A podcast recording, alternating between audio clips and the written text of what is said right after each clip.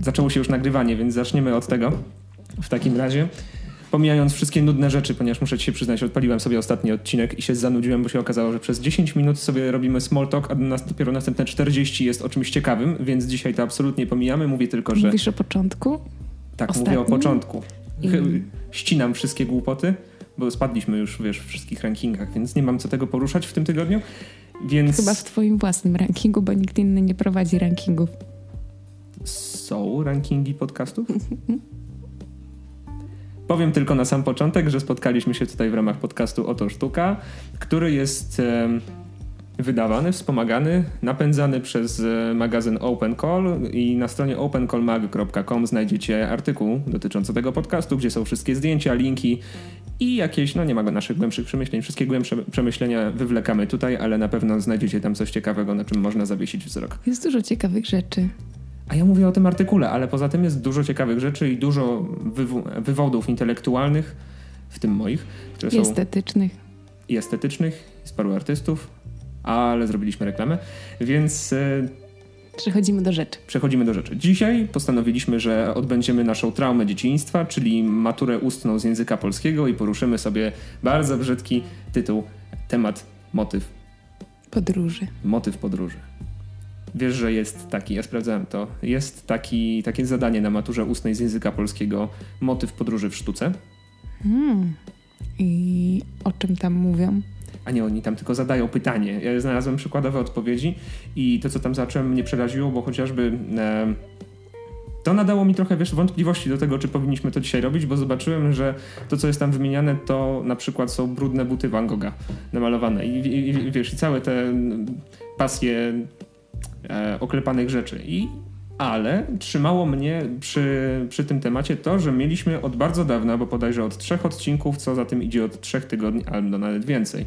To zaczęliśmy w grudniu. Od grudnia mieliśmy porozmawiać właśnie o wystawie kolektywu Hyslom, która jest w Zamku Ujazdowskim. No i nareszcie przyszedł ten czas. Dobrze, że nie czekamy do końca wystawy. Właśnie te, tego się trochę bałem, ale jeszcze chwila, jeszcze chwilę ona będzie, ona do marca będzie chyba, więc Do marca, tak.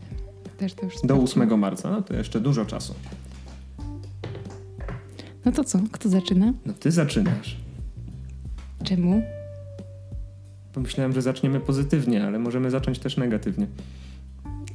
Ile Ale- razy opowiadaliśmy już historię o tym performanceie? Może ją zbierzemy do kupy, bo ona była tak jakby w trzech częściach i odcinkach. Dobra, to zacznijmy od tego, jak poznaliśmy kolektyw.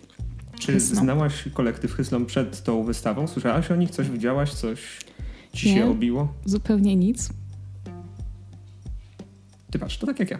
Więc em, historia jest taka, e, długa, żmudna i trudna, że mm, to był początek grudnia. Początek grudnia? Tak, 7 grudnia. Pojechaliśmy na wernisaż. Mieliśmy akurat e, to tak autobiograficznie nagrywanie pierwszego odcinka Oto Sztuki. Paulina zaproponowała, że się wystymulujemy artystycznie i pojedziemy zobaczyć sobie performance japońskiego kolektywu w Zamku Ujazdowskim. Ja absolutnie nie miałem pojęcia, co to oznacza. Jak sobie pomyślałem performance git, to ile? 15 minut? Ile to trwa? Ile ludzie są w stanie Prawda, wytrzymać? nie W chciałeś sensie- już tam jechać, ale jakoś Absolutnie się tam nie namówić. chciałem jechać, ale miałem inny plan. Mieliśmy gdzieś indziej jechać, ale koniec końców się nam to zastos- zasto- Tak czy siak dojechaliśmy tam. tam w końcu na miejsce. I To była pełna droga krzyżowa z rozwinięciami, ponieważ trwało to, prze, prze, przepraszam, może dla nich nie, dla mnie to była droga krzyżowa intelektualno, jakaś taka fokusowa. problemem było troszeczkę to, że mieli dość dużą obsługę czasową. To chyba z 40 minut. To nie, była, to nie był Krążyły element plotki. Nie, to była psuwa i oni próbowali to jakoś zapełnić. Krążyły plotki, że to jest zrobione celowo, tylko po to, żeby mm, zmusić widzów do, do takiego jakiegoś głębszego skupienia się. Aczkolwiek nie jestem pewna, czy to jest prawda. Mają za, Możliwe, jeżeli by tak było, to mają za dużo wiary w, nazwijmy to, europejskiego widza. Zwłaszcza polskiego. A zwłaszcza mnie. A, no bo tam było, było takie delikatne zniecierpliwienie, w sensie, że co się dzieje, no ludzie się tak czuli, że to już się zaczęło, to już się skończyło, bo oni tam przebiegali pomiędzy Tak. ludźmi, coś nerwowo robili i tak w ogóle nikt nie wiedział, co się dzieje. Wszystkich chyba utrzymał ten bufet, w sensie ten catering, który tam urządzili. To jakoś uratowało całą tą sytuację. Czy pachniało pięknie, smakowało obrzydliwie, ale Nie smakowało. Aczkolwiek był to dość em, trudno opisywalny smak. Ale dobra, nie rozmawiajmy o, o jedzeniu. Dlaczego? Nie może o to właśnie chodzi w sztuce, o proste przyjemności i zaspokojenie swoich podstawowych potrzeb. O podróże kulinarne. Mm. Mm, może być pomysł na kolejny podcast. Dobrze. I jak to się zaczęło? No i pamiętasz tej babeczki, która jeździła rowerem?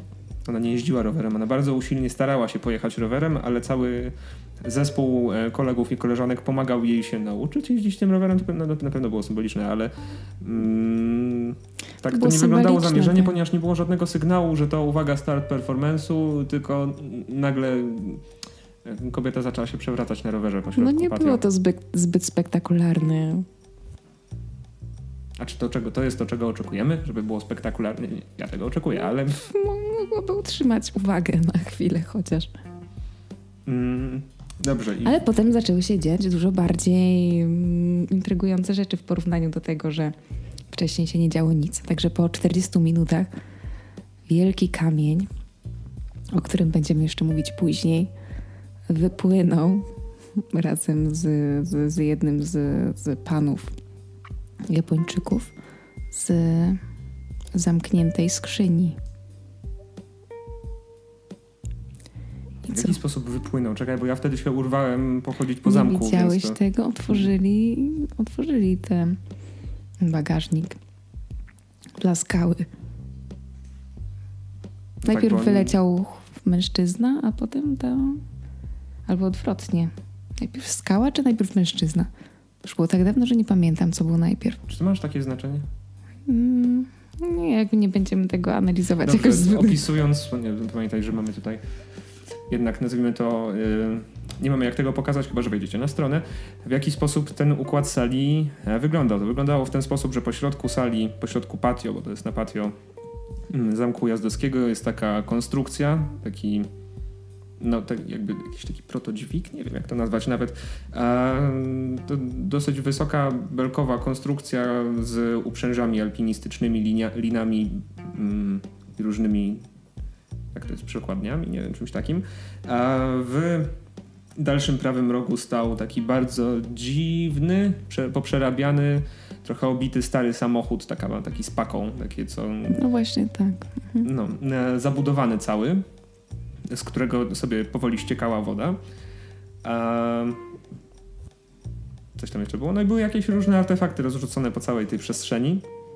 Mm, I to wszystko było na tyle ciekawe scenograficznie, że no nie wiem, w ogóle patio Zamku Jazdowskiego jest ciekawe na wydarzenia, więc to może to też grało.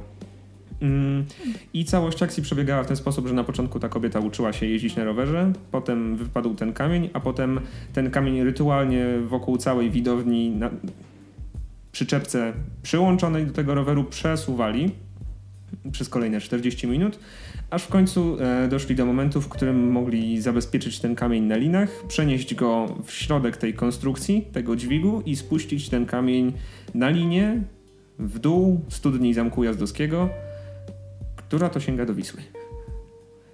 Nie dotrwaliśmy do końca i nie widzieliśmy zakończenia. Przepraszam, moja wina, ale to... ale widzieliśmy już tak później, że ten kamień tam rzeczywiście wylądował. Mm, No i dlaczego właściwie o tym mówimy? Ponieważ całość tutaj jest, y, brzmi dosyć nieatrakcyjnie, zwłaszcza, że ja wyszedłem stamtąd dosyć poddenerwowany. A rzecz, która była najciekawsza i która jest najciekawsza i którą na szczęście mamy, do, mm, mamy szczęście podziwiać do dzisiaj, a jest y, to wystawa kolektywu, która jest nieporównywalnie lepsza, wręcz milion razy lepsza, jak to, jakby to nie brzmiało, od tego performance'u. W sensie nie spodziewałem się tego, co tam zobaczę, nie spodziewałem się tego wrażenia, nie, w ogóle nie byłem, nie byłem przygotowany na to, że będzie mogło mi się to spodobać, bo dopiero na wystawę można było wejść po zakończeniu tego performance'u, a jak już słyszeliście, nie doczekaliśmy do jego końca, ponieważ to już się robiło wręcz idiotycznie długo. Próbowaliśmy dwa razy, ale żadna z pań nie chciała nas no, puścić. Panie były bardzo konsekwentne w nieprzepuszczaniu widzów. Mm. No i opiszmy tą wystawę może, bo to jest, to jest bardzo interesujące. W pierwszej sali jest coś, co mnie absolutnie ujęło konstrukcyjnie i wystawienniczo. To jest taka gigantyczna rampa. Mhm. która sięga pod sam od tego, że wystawa się nazywa Tam i z powrotem. Może. Tak, tam i Bo z ten powrotem. tytuł też jest taki dość znaczący, jak będziemy rozmawiać o treści. To może wyjdziemy z drugiej strony, bo ja zacząłem technicznie opowiadać o ekspozycji. A może wyjdziemy od tego, o co im właściwie chodzi. A o co im właściwie chodzi? No i to jest wszystko piękna, metaforyczna opowieść o podróży. Słuchaj, jakby to nie brzmiało, jakby ironicznie nie, robimy o tym odcinek, więc to w sumie się wszystko składa w jedną całość. Jest to taka bardzo naiwnie poetycka narracja dotycząca relacji człowieka z naturą i dotycząca jakiejś takiej... Nie jest naiwna. No jest, no przepraszam cię, no jest naiwne. No. Późnym kapitalizmie mamy liczyć na to, że ludzie będą nam pomagać za darmo, stara. A im się to udaje, co jest dziwne. Może plusem jest to, że nie mówią po polsku i bardzo dużo ludzi po prostu pomaga im z ciekawości. Hmm, historia jest taka, że... Chyba nigdy nikt ci nie pomagał za darmo. Albo ty nikomu nie pomagałeś. Ja miałam też wiele takich sytuacji. Nie dzisiaj, nie tutaj. A, cała, cała historia zaczyna się dawno, dawno temu, jakby to nie brzmiało, parę lat temu, w ich rodzinnej miejscowości w Japonii, gdzie to góra, którą em, w czasie swojego dzieciństwa mieli za plac zabaw, za jakieś takie miejsce spotkań, zaczęła być zabudowywana przez osiedle mieszkaniowe, które to zaczęło się rozrastać w bardzo szybkim tempie i zaczęło tą górę zabierać. I oni w tym momencie zaczęli tworzyć taką, nie wiem czy mieli nawet na myśli sztukę, czy to jest bardziej aktywistyczne, oni nie, chyba mają bardziej tak we krwi sztukę, jak się na nich patrzy. E, zaczęli tworzyć filmy dokumentujące to, jak ta góra jest przekształcana, w jaki sposób jest zabierana jej ta naturalność, w jaki sposób człowiek ingeruje w nią, traktując ją jako pole inwestycji deweloperskiej. I mm, jakaś taka, chyba nie tragedia nawet, nie tylko jakaś taka krytyka i jakieś takie spojrzenie mm, z wewnątrz? Taki... Mi się wydaje, że to była po prostu tęsknota, że wcale nie... O, tego słowa mi brakowało. Nie, nie był w tym jakiś głębszy, głębszy zamysł i krytyka Nostalgia. czegokolwiek, tylko po prostu wynikało to tam z jakiejś ich wewnętrznej takiej potrzeby. I to jest właśnie przedziwne, że ktoś ma potrzebę robić sztukę. Właśnie to jest u nich cudowne, że oni raczej nie, nie, nie kierują się logiką czy Y, jakimiś związkami przyczynowo-skutkowymi, tylko właśnie mm, gdzieś tam mm, wychodzą, bawią się tym i, i coś im wychodzi, coś im nie wychodzi, a, a, a rezultaty później, później pokazują w, w, w galeriach sztuki. Że bardziej chodzi o taką zabawę, a nie, nie analizowanie wszystkiego. To mi się właśnie w nich podoba. Wiesz co, to, to jest coś, co mnie ujęło, że ktoś ma taką lekkość tworzenia sztuki, że widzisz, że to wszystko nie jest, nie jest wymuszone, że to, mm. wiesz, nie jest, że ktoś jest zafiksowany na to, że robimy malarstwo olejne i po prostu strzelamy obraz za obrazem, albo wiesz, ja rzeźbię tylko w marmurze, czy cokolwiek takiego, nie? Tylko, że po prostu dobierają środek adekwatny do wagi i sytuacji, w której się znajdują. Nie? Na przykład w tej pierwszej sali na tej górze są takie bardzo prowizoryczne, gliniane figurki, figurki rzeźby takie, które dokumentują ich podróż. Takie fotografie trochę. No takie zapisy, takie snapshoty. Fotografie takie... w 3D. I one są tak lepione palcami, w ogóle tak totalnie prowizorycznie. To mnie bardzo, to wiesz, było super, że ktoś ma taką potrzebę, że ktoś ma taką no widać, że radość nawet, nie? że to nie, to nie jest wymuszone, nie? że to nie jest na sytuację, tylko że to jest taki lifestyle, który, który dokumentują w sposób artystyczny, jakaś to, nie wiem, czy oni żyją w jakiejś komunie, czy w czymś takim, czy to już by było, no nie, to by było za dużo do tego mitu, ale że to jest takie mało europejskie, to jest taką, mm, inaczej, taki mały, z, mało zachodniorynkowe. O, może tak, nie? W sensie, że... Mało kapitalistyczne na pewno. Jakieś takie nieprzyczepione do rzeczywistości do twojej rzeczywistości. No to nie jest moja rzeczywistość. No to... Znaczy wiesz, że, że są jeszcze artyści, którzy tworzą, tworzą z radości i chęci tworzenia. No, no ja w nich nie wierzę, wiesz to. Ci, o których pomyślałam, już nie żyją. Ale wierzę, że jeszcze są tacy, którzy wyznają takie wartości. To nie jest świat dla poetów, Paulina. To jest świat dla graczy rynkowych maklerów mm. giełdowych, dla właścicieli sieci dyskontów. To nie jest świat dla poetów. Co ty? No niekoniecznie Hyslop właśnie jest takim antyprzykładem takiego trybu życia. No ale oni właśnie oni właśnie są z, z Japonii. No i to jest właśnie ten moment, w którym cały, wiesz, ten turbokapitalizm, y, wszystkie te najnowsze technologie, gdy wszystko, wiesz, wypływa, jest w gigantycznych ilościach, gdzie jest masa ludzi, masa idei, masa pieniędzy, nie? I że może to jest właśnie Mm, nie chcę powiedzieć odpad, Boże, efekt uboczny, też brzmi źle, że to jest jakieś takie następstwo w sztuce, że w momencie, w którym my jeszcze nie jesteśmy aż tak przesyceni tym wszystkim, jeszcze wiesz, się tutaj nie do końca wszystko klaruje i wszyscy tak starają się grać w ten kapitalizm, jeszcze chcą jakoś do tego wszystkiego nawiązać, tworzyć, wiesz, sztukę z jednej strony taka, żeby była z moich trzew i w ogóle pokazywała to, jak kocham świat i bliźniego, a z drugiej strony, żeby jednak ktoś to kupił, nie? Masz wrażenie, że ktoś mógłby kupić coś od Hysnu? No ja nie, nie, nie, widzę tego za bardzo. Nie to wszystko na są pewno takie... galerie im płacą, wiesz? Za... Nie tak, oni są na rezydencji chyba teraz w Ujazdowskim mm -hmm. w ogóle, więc to oni... I myślę, że ich e, sposób tworzenia polega też właśnie na takim rezydencyjnym tworzeniu i raczej będą tą drogą podążać, a nie no tak, niekoniecznie właśnie... będą chcieli w ogóle sprzedawać swoje sztuki, swoją sztukę gdziekolwiek indziej niż, niż do muzeum. No i to mnie właśnie urzeka, takie życie na publicznych pieniądzach, to jest super. Musi być super. Um... No wiesz, to nie, też nie byli ludzie, którzy, no, wystarczyło na nich spojrzeć, że, że to nie są ludzie, którzy, wiesz, chcą mieć mieszkania na ostatnim piętrze w najwyższym y, wieżowcu, tylko chcą mieć plecak, wygodne buty i, i, iść sobie w świat i tam sobie robić rzeczy. I to mnie przeraża, a z drugiej strony ekscytuje właśnie. To... No to, jest, to jest fajne w ich też działalności artystycznej. Ciekawe, czy my dożyjemy takiej sztuki w Europie, że wiesz, że zaczną się takie z tego nadmiaru tego społeczeństwa informacyjnego, z nadmiaru pieniędzy, dóbr, z przesytu wszelkim dobrostanem zaczną się właśnie takie tworzyć takie komuny, kolektywy i tak dalej, które będą tworzyły taką radosną sztukę wobec już nawet nie krytycznie, tylko jakoś tak w ogóle drugotorowo wobec całości, nazwijmy to rynku sztuki i tak dalej, że będą to wszystko zmieniać, przewracać do góry nogami i robić takie komunistyczne rewolty, ale to... No tak, to może być utopijne myślenie. Nie, wolałbym, żeby się tak nie stało. Wolałbym, żeby nasz rynek raczej się przekształcił na kształt nowo, nowojorskiego albo berlińskiego niż... Nie, nie wiem, jak wygląda tokijski rynek, niestety. To, to, to, o tym nie mam pojęcia, ale... Wiesz, że jestem, ja jestem zatwardziałym kapitalistą. Ja to, to takie rzeczy mnie pociągają jako ciekawostki, a nie jako całokształt. Dobrze. No dobra, to co ci się jeszcze podobało, nie podobało w tej wystawie? A to cię zaskoczę, słuchaj. Nie ma czegoś, co mi się nie podobało. Hmm. W sensie było jedno, jedno miejsce, w którym jest puszczony film, dlatego żeby leciał film i on niewiele wnosi do tego wszystkiego. Jest przyjemne estetycznie, ale to. Ale pozwala zobaczyć twórców, więc może to. No może w tym kierunku rzeczywiście, ale to nie Coś jest. tam wnosi. Nie, nie, był ten punkt, w którym się wiesz, zatrzymałem i patrzyłem, nie? To, to zobaczyłem. No może to mój błąd. No ja oglądałam ten film, ale rzeczywiście tam. Chociaż. No.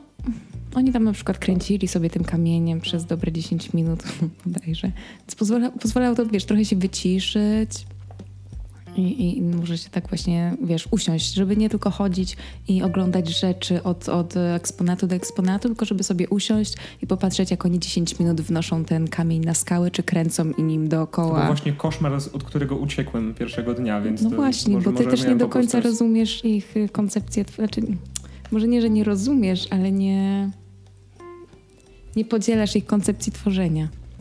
Przez to nie, nie, nie siedziałeś tam na przykład nie lubię wierzyć w to, że ktoś rzeczywiście jest w stanie tworzyć takie obrzędy wobec przedmiotu, nie? w sensie obrzędy wobec, w ich przypadku mistycznego przedmiotu, tego kamienia. Nie? To jest, jeszcze o kamieniu powiemy za chwilę, ale ja bym chciał jeszcze zapytać mnie, co mi się podobało. A jeszcze nie skończyłem o tej pierwszej sali.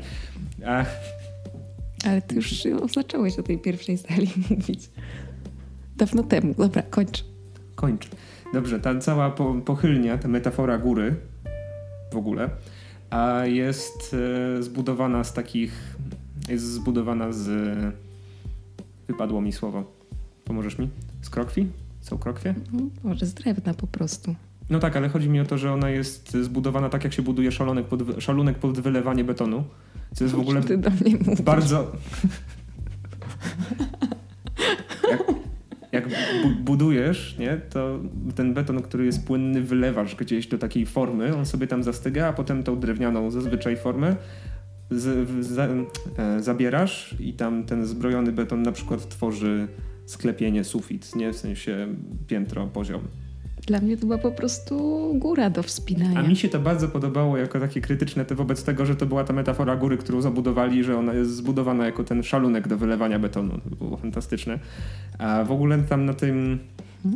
Bo po tej, nie wiem, czy powiedzieliśmy, że po tej pochylni się chodzi, że to jest ta metafora, że wchodzisz pod górę, a potem schodzisz z góry, nie? Że to jest właśnie tam i z powrotem, już na samym froncie.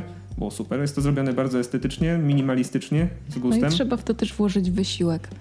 Ja bardzo lubię, jak muszę włożyć swój własny wysiłek w odbiór sztuki. Ja bardzo lubię takie detale, że mogłem sobie popatrzeć wyobraź na przykład sobie na przykład jakąś czadu. babeczkę, ale wyobraź sobie babeczkę w szpilkach, która się tam wspinała. Że babeczki w szpilkach chodzą na wystawy? Pewno. Hmm. Może nawet ktoś złamał nogę. Ale to by było piękne. Mhm. I tam pośrodku tego, pośrodku tej pochylni jest przerwa, no, która jest tym głównym szlakiem, szlakiem, Boże, szlakiem komunikacyjnym Chrysta. Jest tym, tą główną drogą, po której się poruszasz na tej wystawie i jest, możesz zajrzeć pod to, co jest pod tą pochylnią, stojąc na niej. I pod tą pochylnią są właśnie te filmy, od których oni zaczęli, te filmy dokumentujące to, jak się zmieniał ten krajobraz tej góry, po której my metaforycznie właśnie chodzimy. Mm, no i to jest właśnie też jest fajne nawiązanie do tego, że tam pokazują, jak tą górę zabudowują i to jest tak jakby pod tą górą, na której ty stoisz i tam, wiesz, czujesz ten, mm, tą symbolikę poziomu, że ty jesteś na górze, to jest pod górą. Rozumiesz, o co mi chodzi? Nie, tak. nie składam tego w jedno. I mm, dobrze, koniec, nie? Bo to za, za, zaraz, e, wiesz, będzie wrażenie, że opisałem całą, e, całą wystawę i nie ma tam już czego szukać. W drugiej sali jest ten film, w trzeciej sali, którą już chyba zacząłem nazywać salą pyłową, po, po tym jak e, tam Wojtek Pustoła zrobił tą e, e, salę wypełnioną pyłem, pyłem marmurowym. Teraz znowu jest tam coś wysypane, jest tam wysypany piasek w jakimś takim bardzo, znowu powtórzę to słowo, naiwnie ekologicznej symbolice, w takiej naiwnie ekologicznej symbolice, która pokazuje to, że e, piasku się zużywa bardzo dużo na świecie, że jest najbardziej poszukiwanym surowcem do budowy. To znowu wracamy do tej mm. budowy i on był tam w workach i ten z tych worków został wysypany na środku tej sali. Nie do końca wiadomo, czy można wejść z nim w jakąś interakcję. Jest po prostu wysypany taką kupą piachu, która mm, ma symbolizować tragedię braku piachu. Takie, było takie, oj. No i takie nie, bo to też to są rzeczy, które oni napotkali na swojej drodze, będąc na rezydencji w, w Ujazdowskim. Więc po prostu mieli kontakt z tymi rzeczami i przynosząc je do galerii, pokazują, jak wyglądała ich droga, a, a jak to odbierzesz, to też możesz to tam sobie jakoś inaczej. Bardziej chodzi o taki kontakt z napotkanymi przedmiotami czy zjawiskami.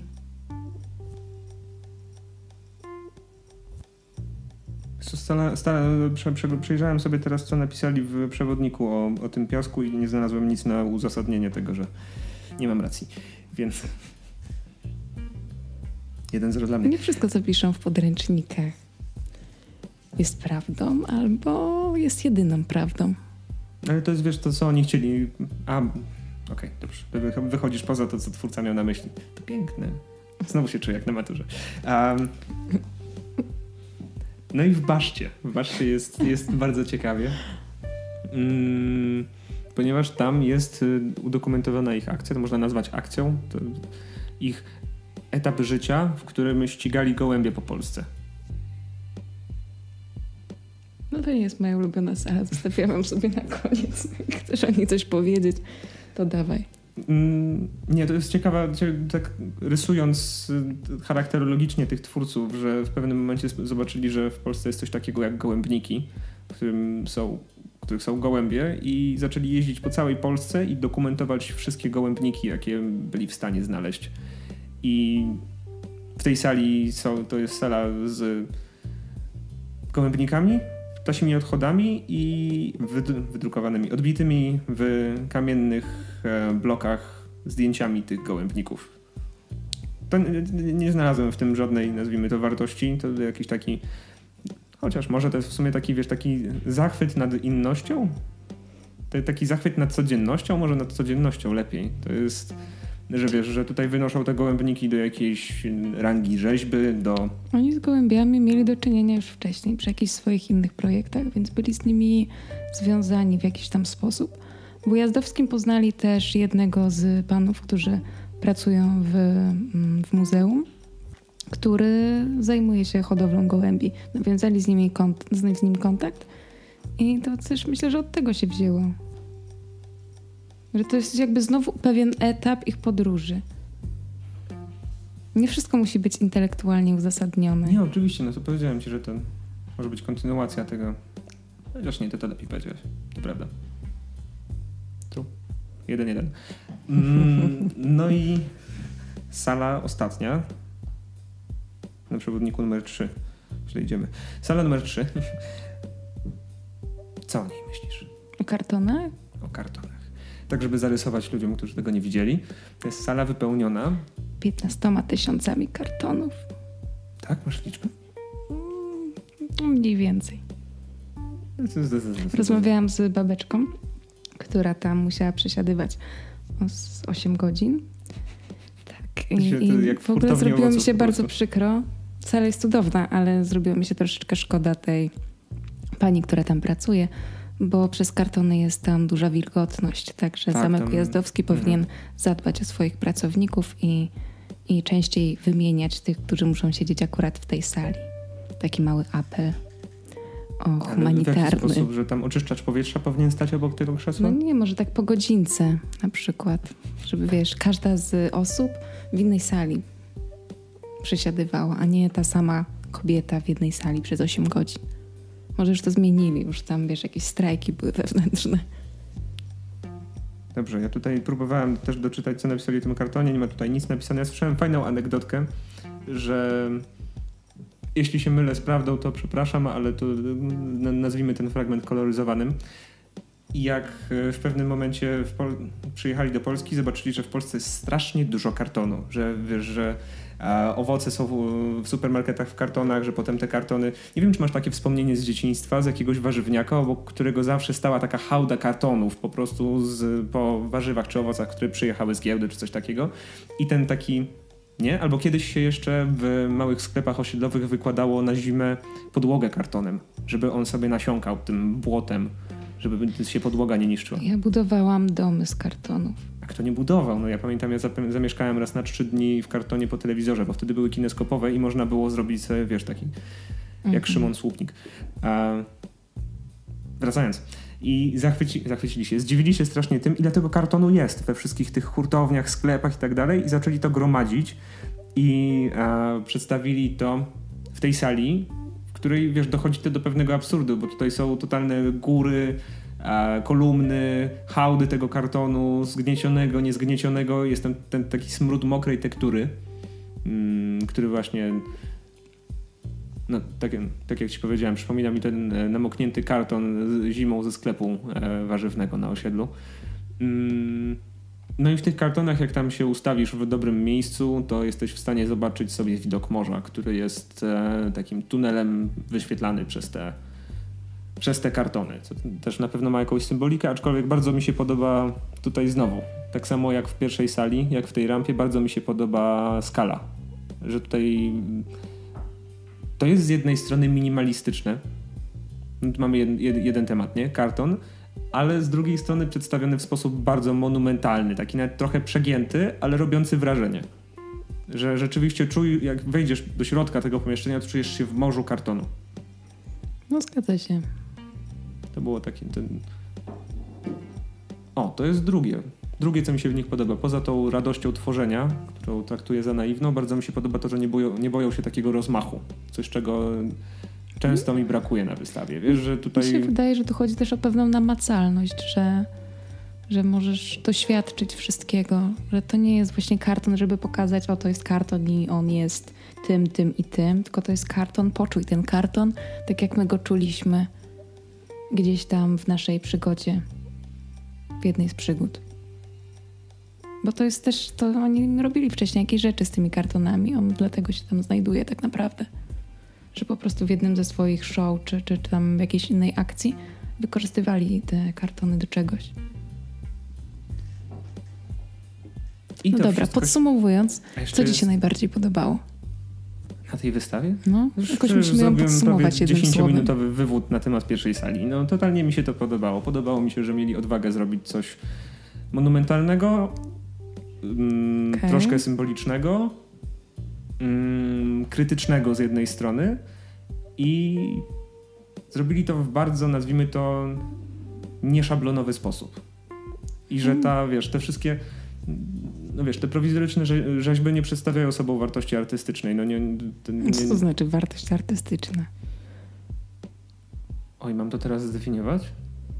Wartość artystyczna to połączenie e, kunsztu, talentu i wartości rynkowej. Mm, nie? Nie wiem, może i tak. Czekaj, bo testuję to właśnie w głowie i tak, mam rację. Mm, no wartość artystyczna, wartość artystyczna, wartość. No mierzalna. Wydaje mi się, że wartość artystyczną ciężko zmierzyć czymkolwiek. No wiesz, jeżeli ktoś ma dużo talentu, a mało, mało kunsztu, to mam w sensie mało, mało warsztatu, to, to wychodzi z tego kupa. Tej Jak ktoś ma dużo warsztatu, a mało talentu, to wychodzi z tego kupa. Jak ktoś ma dużo warsztatu i dużo talentu, ale nie przedstawia sobie to wartości rynkowej, no to tak jak w przypadku systemu. Ma dużo talentu, dużo kunsztu, ale zero wartości rynkowej, więc yy, mówię, że nie przedstawia to sobą żadnej wartości artystycznej. Ha! Wow, doszedłem do puenty. Mm, pomimo tego, właśnie, bardzo mi się to podoba, bo to utwierdza właśnie w tym. Mm, w tej idei, tej radości tworzenia, której nie ma na naszym, nazwijmy to, polu. W sensie, wiesz, europejsko, polsko, amerykańsko. Nie wiem jeszcze jakie, jakie pola sztuki zahaczamy tak terytorialnie, ale nie spotyka się tego często i zazwyczaj ci ludzie są brani za szarlatanów albo naiwnych poetów, którzy nie przystają do świata, a tutaj pewnie przez to, że oni są z Japonii i mają zupełnie inny styl bycia i patrzymy na to może troszkę bardziej z dystansem, to jest to efektowne. O. Więc y, y, Julia oceniła tą wystawę na 11 na 10. No, niemożliwe. Prawda? Też się nie spodziewałem, ponieważ Takim jest Julia. e, Julia jest moją żoną i malarką. I bardzo prosiła, żeby ją pozdrowić, e, więc e, Pozdrawiamy Julię. to Paulina to zrobiła. E, oceniła to na 11 na 10. Wiesz, że jak się z nią chodzi, to nie masz do ostatniego momentu wrażenia, że jej się coś podobało. Byłem totalnie przekonany, że wiesz, że zaraz wyjdziemy i będzie totalne wiadro pomyj, a e, Julia swoim takim nonszalanckim krokiem idąc do samochodu napisała dopiero na wspólnej grupie Hyslom 11 na 10. Nie? I to było takie, co? Podobało ci się? A, więc e, też zasugerowany tym, mm, własnymi odczuciami jestem w stanie dać 8,5 na 10, ale ostatnio usłyszałem, że ocenianie w skali od 1 do 10 jest bardzo krzywdzące i niesprawiedliwe i tutaj, ale usłyszałem to od poety, więc w sumie może dlatego może on się czuje pokrzywdzony przez to. E, więc tak, więc daję 9 na 10, proszę bardzo. Jestem, przekonali mnie do siebie, jeżeli będą jeszcze gdzieś w miejscu, w którym ja przypadkowo będę, to pójdę i będę kibicował i naprawdę bardzo mi się to podoba. Właśnie, a propos, jeżeli chcecie wyrobić swoją własną opinię, ocenić w skali od 0 do 10 albo jakiejkolwiek innej skali, to możecie pod koniec marca ich jeszcze zobaczyć w Ujazdowskim i będą tam serie performersów. Ale mm, nie jestem do końca pewna, czy one będą w zamku, czy, w, czy, czy, czy nie Jak na ktoś ma statku. wolne 8 godzin i nie idzie do pracy, to proszę bardzo. Super. A ty jak? Co tobie się tam najbardziej podobało? Ja już mówiłam, że to jest jedna z lepszych wystaw, jakie widziałam.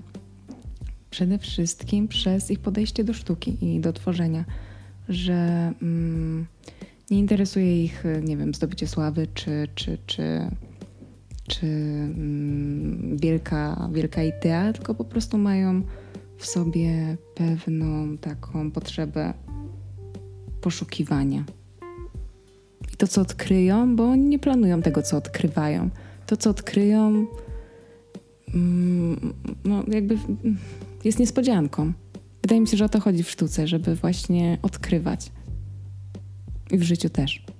Dlatego bardzo lubię tą wystawę. Ty jesteś poetką, nie? To w sensie to... Jeśli, jeśli chodzi o kwestię sztuki, to szukasz wz, wzruszeń i emocji na wystawach. Oczywiście, że tak. Oj, to piękne. Chciałbym taką mieć. Dobrze.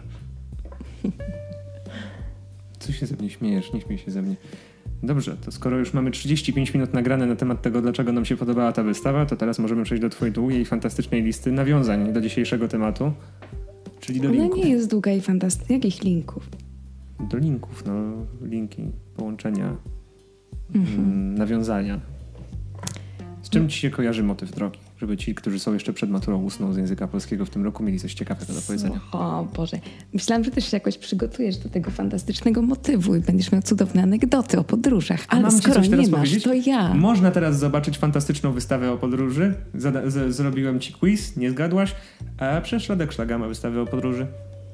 Tak? No ale to już byliśmy tam. No nie, ale to jest. Ja bardzo, tak jak ci powiedziałem, bardzo szukałem jakichś takich aktualnych, aktualnych, w miarę współczesnych, nowoczesnych rzeczy na temat motywu podróży i nie, nie doszukałem się za dużej rzeczy, e, ilości rzeczy, które nie byłyby kiczowate. I przypomniał mi się właśnie Radek Szlaga, który z tytułu przynajmniej odbywa podróż na swojej wystawie, więc w tym kierunku, ale o tym już mówiliśmy, więc odsyłałem do poprzedniego odcinka. Tak, ale możecie zobaczyć. Jestem elokwentny. Wygrałem. No, ja też mam jedną wystawę o podróżach, która jest w Gdańskiej Galerii Miejskiej Mariusza Kulpy. Nie jest to y, fantastyczna, współczesna wystawa sztuki, ale można ją jeszcze zobaczyć. No i generalnie porusza trochę tematykę podróżowania. Przynajmniej jego prace. Mm, jego prace nawiązują do przestrzeni, w której się znajduje. Jak mam to wyszukać? Powiedz mi. Wpisz sobie mm, Gdańska Galeria Miejska Mariusz Kulpa. Będziesz mógł zobaczyć trochę, jak to wygląda. On robi totemy. Okej. Uuu, ile polubień? 7,5 tysiąca. Zazdrosny. E, mamy ledwie 4 razy mniej. No. Robi totemy z miejsc, w których, y, w których je, znaczy robi rysunki i, i potem z tego rzeźby. Rzeźby nawiązują do rysunków, rysunki do rzeźb. I, I gdzieś e, to wszystko opisuje trochę powiązania w świecie. Ta wystawa się zamyka zaraz, za, za, za tydzień. No to jest jeszcze tydzień, żeby sobie tych powiązań poszukać. Może nawet nie trzeba iść do galerii, skoro galeria opisuje powiązania w, w świecie, a można ich poszukać rozglądając się. Jejku, jakie to przeterminowane rzeczy są. Słońce. Co ty w tym widzisz? No i tak tam nie pojedziesz. Nie, no nie pojadę. No. Ale może ktoś z Gdańska będzie chciał nas będzie chciał to zobaczyć. Musimy zrobić w ogóle odcinek na temat tego, co warto zobaczyć w Gdańsku. Tylko musisz mnie najpierw zabrać do Gdańska i pokazać, co warto zobaczyć w Dobra. Gdańsku, Gdyni, Sopocie i Wejherowie, czy coś takiego. Ach, nie, nie, ten żart był słaby, przepraszam. Mm, Mm. nie, ja się zapatrzyłem na te zdjęcia, ale rzeczywiście to, to, to, to ma też w sobie jakiś taki poetycki, poetycki rys naiwności wobec sztuki. No, Znaczy to nie, Tak. nie, nie mój czas, nie mój, Wiesz nie co, mój gust no wiesz, wydaje nie mi się, moje... że w tym momencie będzie to jedna z lepszych wystaw w Trójmieście, bo za dużo się tam nie dzieje. Tak? No, Jednak, jednak w Warszawie, tak? w Warszawie też jakoś specjalnie Tak mnie właśnie zastanawiało, zastanawiało, czy to jest jakaś moja bańka informacyjna, że ja, wiesz, dostaję tylko informacje o rzeczach, które dzieją się w Warszawie, czasami we Wrocławiu. A nie, jakoś nigdy, wiesz, nie, nie, raz w Toruniu. I nigdy w życiu nie, nie dostałem, wiesz, żadnego zaproszenia, ani żadnego nie widziałem wydarzenia, które by było w Gdyni, Gdańsku albo Sopocie, które by było, nie wiem, już nawet nie, że dla mnie, bo dla mnie to trudno, ale żeby było jakieś znaczące. Tak mnie zastanawiało, tak jak ci mówię, że to jest bańka informacyjna, że Facebook wykrywa, że jestem mm, w Warszawie i nie pokazuje mi nic więcej, czy to pewnej części tej audycji nie słyszeliście, bo Paulina zaszantażowała mnie, żebym ją wyciął, ale dojrzeliśmy do tego, że nie powiemy o trzech kategoriach podróży i teraz y, czas na wolne wnioski. Chciałabyś coś jeszcze dodać? Zacznij. Zacznij. Mm, zgodnie z twoim poleceniem byłem w paru galeriach. No. Tak jak było w poprzednim odcinku, byłem w mm, polach magnetycznych, byłem w piktogramie. Gdzieś jeszcze byłem? Galerii Leguern, Legern, Leger, na Saskiej Kępie. Nikt nigdy nie powiedział, co się mówi, więc przepraszam z góry. Mm, w polach magnetycznych byłem trochę rozczarowany, ponieważ w otoczeniu całkiem fajnej sztuki, takiej już nazwijmy to klasycznej, akademickiej, były przedstawione takie bardzo młode, współczesne knoty Mm, bardzo jakoś mi to nie przypadło do gustu. Mm, w polach magnetycznych, to, to, przepraszam, teraz to powiedziałem, a w piktogramie bardzo się miło zaskoczyłem. Jeszcze zaraz zrewiduję, żebym nie, nie przekręcił nazwiska e, autorki. Mm, w piktogramie ja już zapomniałem, jaka to jest fajna przestrzeń wystawiennicza. To jest tam na kredytowej, bo oni wcześniej byli chyba gdzieś indziej, nie? Ja pewnie byłem wcześniej gdzie indziej, już nie pamiętam, ale to, to jest fantastyczna, duża przestrzeń, gdzie naprawdę fajnie można wystawiać sztukę. Jest. Czy się na mnie obraziłaś? Nie, no słucham cię. Słuchasz mnie. Czekam o twoich metafizycznych dostaniach. Nie mam żadnych metafizycznych doznań. Ja nie mam metafizycznych doznań. Nigdy nie miałem. Boże, ale smutne. No po co mi metafizyczne doznania? Wystarcza mi? To co ci się tak spodobało w tym piktogramie? Ogrom tego miejsca? To, jak ktoś jest w stanie znaleźć w centrum Warszawy tak duży lokal, to mnie po prostu poraziło od góry do dołu. Jak to się robi? Tak, Zofia Pałcha. I co, był wypełniony czy pusty? Do połowy. Do połowy pusty. Ale tak metafizycznie czy fizycznie? No jak wolisz. Fizycznie był zapełniony równomiernie po całości. O. E, metafizycznie nie odczułem, nie jestem barometrem metafizycznych zmian, ani drgań, ani wibracji. Mm. Całość była. Hm. Powiedzieć, że aktualna to mało. Mm, interesująca. Aktualna? Był e, w jednym miejscu portret Grety Thunberg. Wiesz, to tak jakoś tak. Z jednej strony pomyślałem, że to tanie, z drugiej, że to w miarę ciekawe. Mm, że staje się już jakąś ikoną popkultury, że aż się maluje jej A... twarz gdzieś. A co myślisz o panu właścicielu?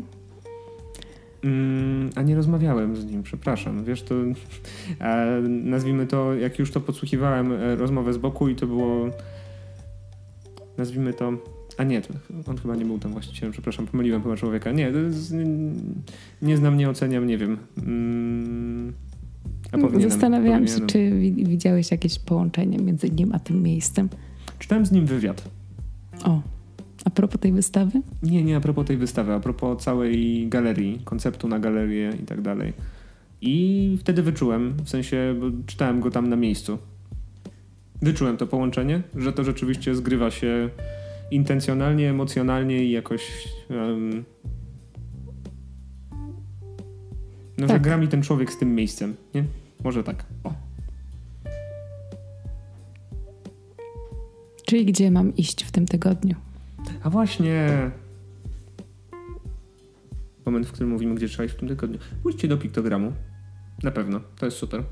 Ta wystawa jest interesująca, jest w centrum miasta w ogóle niedaleko pawilonów. Mm, pójdźcie na Hyslom, jeśli nie byliście. Już jak zacięta płyta powtarzamy chyba czwarty odcinek, ale pójdźcie na Hyslom, jest fajnie. Mm. No i co? Jest coś jeszcze teraz ciekawego? Nie robiłem rekonesansu na temat wernisaży, sesja się zbliża. Ja Was mogę zaprosić w piątek do Centrum Sztuki Współczesnej Elektrownia, gdzie Mateusz Kokot ma swoją wystawę która się nazywa Dior. I, I będą to silikonowe odlewy wnętrzności zwierząt umieszczone w pewnej przestrzeni. Wykreowanej przestrzeni. No myślę, że to może być ciekawe. Także zapraszam.